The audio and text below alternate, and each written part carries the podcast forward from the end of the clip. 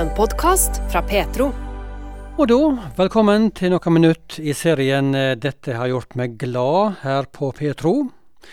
Det som gleder meg mest, er hva disse butikkene kan bety for andre mennesker, sier Bjarte Rydland. Han er daglig leder i Misjonssambandet sin kjede av gjenbruksbutikker. De 35 butikkene rundt om i landet blir drevne av frivillige medarbeidere, og nå har han fått eh, ferske tall på hvor mange de frivillige er. Det er jo veldig morsomt å se på en måte når vi har jo antatt sånn cirka mange frivillige vi har, men når det nå er rapportert inn, så har vi altså 1783 frivillige som er med og jobber i gjenbruken regelmessig og inn i et system i hjembruken. Så jeg syns det er ganske fantastisk at det er så mange mennesker som står på for dette flotte arbeidet.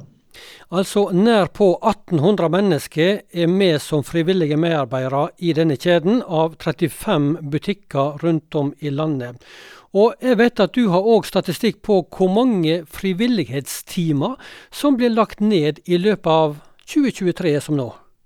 Ja, Hver enkelt butikk har på en måte fått i oppdrag å på en måte se på sin virksomhet. og Når de vet hvor mange åpningstimer de har, dugnadsdager og sånne ting. Og så hvor mange som er med og jobber på de forskjellige dagene. Så de har prøvd å gjøre en beregning da, av hvor mange dugnadstimer de har lagt ned i hver enkelt butikk. Og når vi legger sammen de tallene, når de ble rapportert inn nå her forrige uke, så har vi bikka over 430 000 frivillighetstimer i 2023. Og det er fantastisk. Ja, det er jo et enormt tall, da. 430 000 timer med frivillig innsats i disse butikkene her. Og eh, dette er jo òg butikker da, der overskuddet av driften det går til Norsk Luthersk Misjonssamband sitt arbeid. Eh, si litt om eh, størrelsen på overskuddet som dere regner dette året nå, og eh, hva pengene går til. Ja, Overføringa dette året vil nok passere til Misjonssambandet når absolutt alle kostnader er trukket fra, vil nok passere 40 millioner kroner i 2023. Eh, det er jeg helt sikker på. Eh, og eh, Rett før jeg kom på her nå, så hadde jeg også kontakt med ei som ble kjent med da jeg var på besøk i Indonesia og så på noe prosjekt der. Og så flott å fortelle, for hun jobber i et prosjekt fortsatt tilknyttet Misjonssambandet og forteller om at der er det nå mange nye mennesker som blir kristne. Eh, så det er kjekt å høre.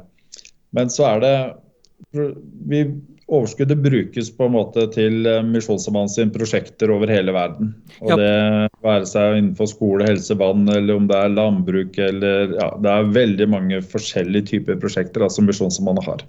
Når du ser statistikk og oppsummerer litt året som, som du er inne på nå her, Bjarte Rydland, og, og jobber med dette her til daglig, hva er det som gleder deg med tanken på dette her?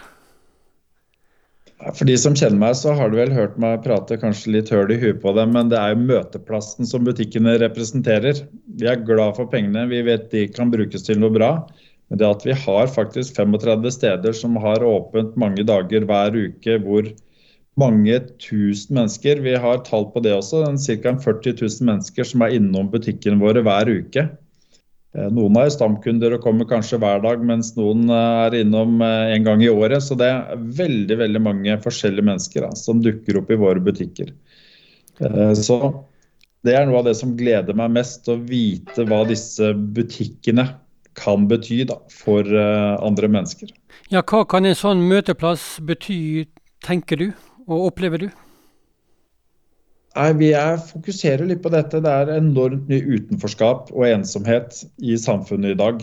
Uh, og bare på det området så vet vi det at det er mange på en måte som finner et fellesskap uh, i andre kunder. I kaffekroken med en kopp kaffe og en vaffel, hvor man kan sette seg ned og prate. Og rett nylig her så hørte jeg et eksempel på en som har vært utafor uh, lenge, mista kona si og sånne ting. og så de frivillige i butikken de ser eh, Når han kom tilbake etter å ha vært borte en god stund, og så ser de det at han eh, Når han kom, så så han ikke så pigg ut. Og så er han blitt liksom en del av denne her gjengen som sitter litt fast i kaffekroken i den butikken, og ser bare hvordan han blomstrer opp igjen som menneske. Så da er jeg på den julesamlinga i den butikken og for 14 dagers tid siden, og så er det ei som eh, reiser seg og sier at jeg må bare fortelle denne historien, liksom. Så sier jeg at eh, vi må, begynne, vi må be for disse som sitter i kaffekroken. Det er klart, det er det hjertet der som på en måte alle vi som jobber sentralt i gjenbruken, på en måte ber om hver eneste uke. At folk skal få lov å møte Jesus. Og så hører også at de frivillige på en måte, Det er, det er dette vi vil. da, At folk aller helst skal få lov å møte Jesus. Pengene er bra, men det er det vi ønsker. Og sånne møteplasser i dagens samfunn, hva betydning har de, tenker du, som står midt oppi dette? her? Nei, de er jo uvurderlige, egentlig. Fordi vi mister flere og flere møteplasser som har vært naturlige tidligere, blir borte. Så jeg har fått lov å reise og høre på en del sånn kursing og seminarer og sånne ting, hvor i samfunnet generelt sier det at vi mangler møteplasser. Vi trenger flere møteplasser hvor mennesker kan møtes. da. Dere er 35 butikker nå i denne kjeden av gjenbruksbutikker som Misjonssambandet står bak. Og så utvider dere til neste år, forstår jeg, med to nye butikker? Ja, nå har vi ikke åpna noen ny siden vi åpna i Sandnes. og Det begynner å bli en liten stund siden. Vi har jo drevet flytta butikker, men nå blir det to nye butikker i løpet av våren 2024. Det blir en i Lyngdal, og det blir en i Balestrand. Ja, det sa Bjarte Rydland. Han er altså daglig leder i Gjenbruken, Misjonssambandet sin kjede av gjenbruksbutikker rundt om i Norge. Og i denne serien 'Dette har gjort meg glad', så er vi innom ulike deler av Norsk Luthersk Misjonssamband sitt arbeid. Men nå blir det en pause i denne serien til utpå nyåret. En podkast fra Petro.